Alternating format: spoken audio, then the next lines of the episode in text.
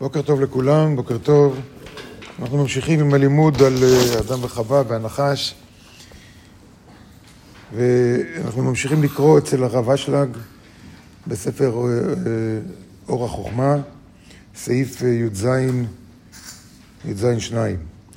ויש כאן בית דיוקים גדולים.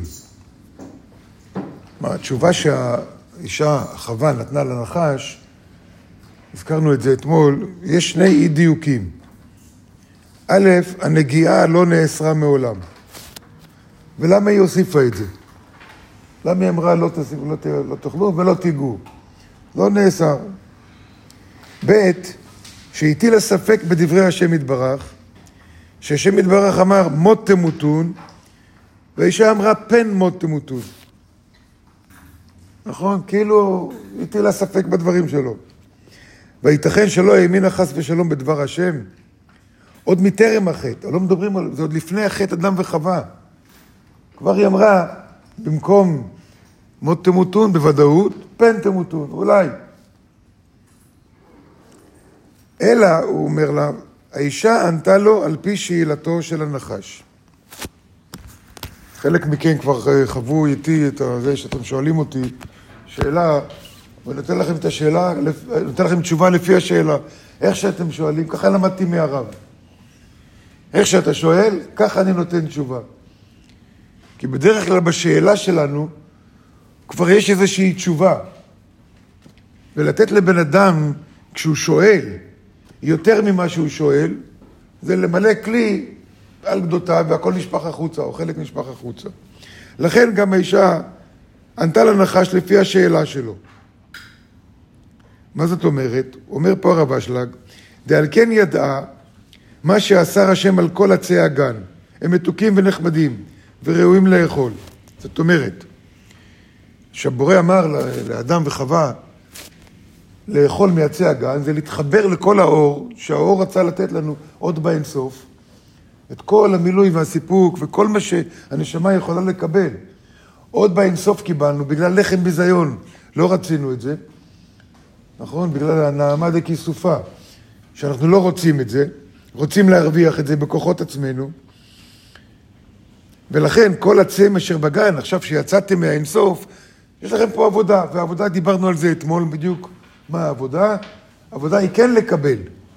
כן לקבל את האור, אבל לא בשבילי. לא בשבילי.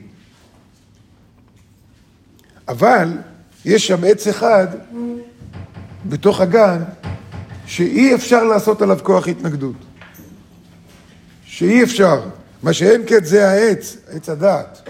בתוך הגן כבר הייתה, איך היא ידעה את זה?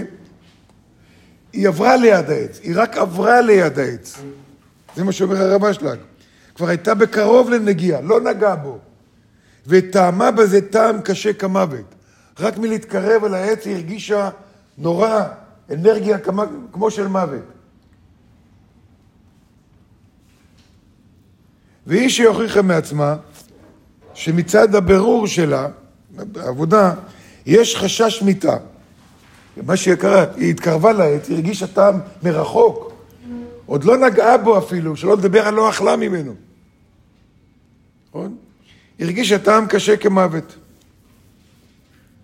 לכן היא אמרה, לא תאכלו ולא תיגעו בו, היא רק מרחוק הרגישה את זה, בטח לגעת בזה, זה יכול לחשמל, אני יודע מה. שמצד הבירור שלה יש חשש מיתה, יש חשש מיתה. לכן אמרה פן תמותון. כי היא לא נגעה בו, היא מרחוק רק.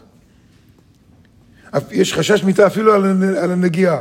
לכן הוסיפה להבין במצוות האיסור על מה ששמע מבעלה, מאדם, כי אין חכם כבעל ניסיון. זאת אומרת, היא הייתה לה ניסיון, היא התקרבה לעץ, לא נגעה בו, והייתה, הרגישה נורא, כמעט מוות, כמעט חשמל כזה. אז היא הבינה שאם נוגעים בזה, זה, זה מוות. ופן תמותון, שהיא אמרה אולי תמותו, היא לא אמרה אם אנחנו נאכל פן תמותו, אלא אם ניגע בו. על הנגיעה היא התכוונה להגיד פן תמותון. שתבינו, מדובר פה על אדם וחווה שמדברים עם הבורא, פנים אל פנים, זה לא אנשים כמונו. שנהיה צדיקים כמה שלא נהיה צדיקים, הכי צדיקים בעולם. מי אנחנו ומה אנחנו? רסיסי, רסיסי נשמות קטנות. כבר אחרי משה רבנו אף אחד לא דיבר עם הבורא ממש. הנביאים רק קיבלו רוח הקודש, קיבלו מסרים, אבל לא דיברו כמו עם משה רבנו, פה אל פה, כתוב, אדבר בו. ולכן, לכן, אין חכם כבעל ניסיון. היא הייתה קרוב לנגיעה, לא נגעה, והיא הרגישה כמעט מוות. אז אמרה, אם נוגעים, לא במאה אחוז, יש חשש שאנחנו נמות. לכן, על זה היא אמרה, פן תמותו.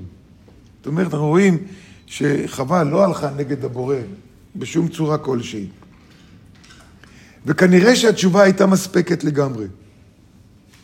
כי מי יתערב ויכחיש בחוש הטעם של חברו? עניין של חושים. הרגיש שם טעם של מוות, טעם.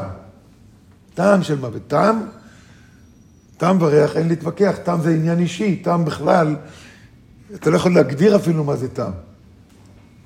ולכל אחד, טעם של דבר אחד יכול להיות טעים, ובשביל מישהו אחר, אותו דבר יכול להיות להרגיש בחילה מזה ולא יכול... אה, לכן, היא הרגישה טעם של מוות, ולכן היא אמרה, פן תמותון.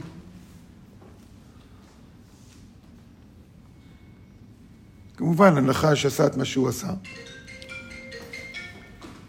אבל מבחינתנו, מבחינתנו, מה המסר בשבילנו?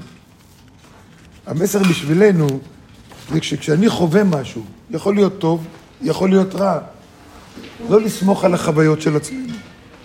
לא לסמוך על החוויות של עצמנו. החוויה שלנו היא סובייקטיבית, היא לא אמיתית. היא לא אמיתית.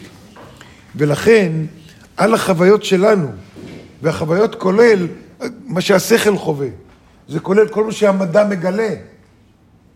ניסיון חיים שלנו, עובדה קרה לי, הבטיחו לי ולא נתנו לי, אכלו לי, שתו לי, כל הדברים האלה, לא לסמוך על זה, כן, זה נותן לי רמזים, אבל להבין בסיכומו של דבר, אם מה שאני חווה לא תואם את התורה, אז החוויות שלי לא נכונות. אז זו חוויה אישית, אבל זה לא אומר שזה אמת, זה שאני חווה את זה. כמו שהגשש אמרו, עובדה, חלמנו. יכול להיות חלום בכלל, ולא זה. זה מה שאנחנו לומדים פה מה, מהסיפור על חווה. כן? זה היה החוויה שלה. אבל הבורא אמר, לא לאכול ממנו. לא דיבר על נגיעה, לא דיבר על שום דבר. והנחש הכחיש אותה. הנחש אמר, לא תמותו. איך הוא עשה את זה? מה, הנחש שיקר?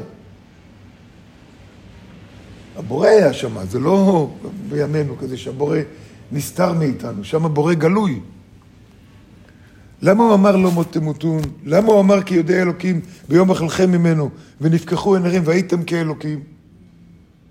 מה זה הדברים האלה? נדבר על זה מחר. כן. מה? יש לי שאלה שהצעת עכשיו בשיעור שלך. שאלה. כן. איך ידע מה זה מוות אדם אם היה אמור לחיות חיים נצח? גם אני שאלתי את זה אתמול, את עצמי. מאוד מעניין. שאלתי גם אני את עצמי, אין לי תשובה. אני לא יודע את התשובה. ואני לא מתבייש להגיד שאני לא יודע את התשובה. אתמול השאלה הזו קפצה לי... זה כבר ב-8.44.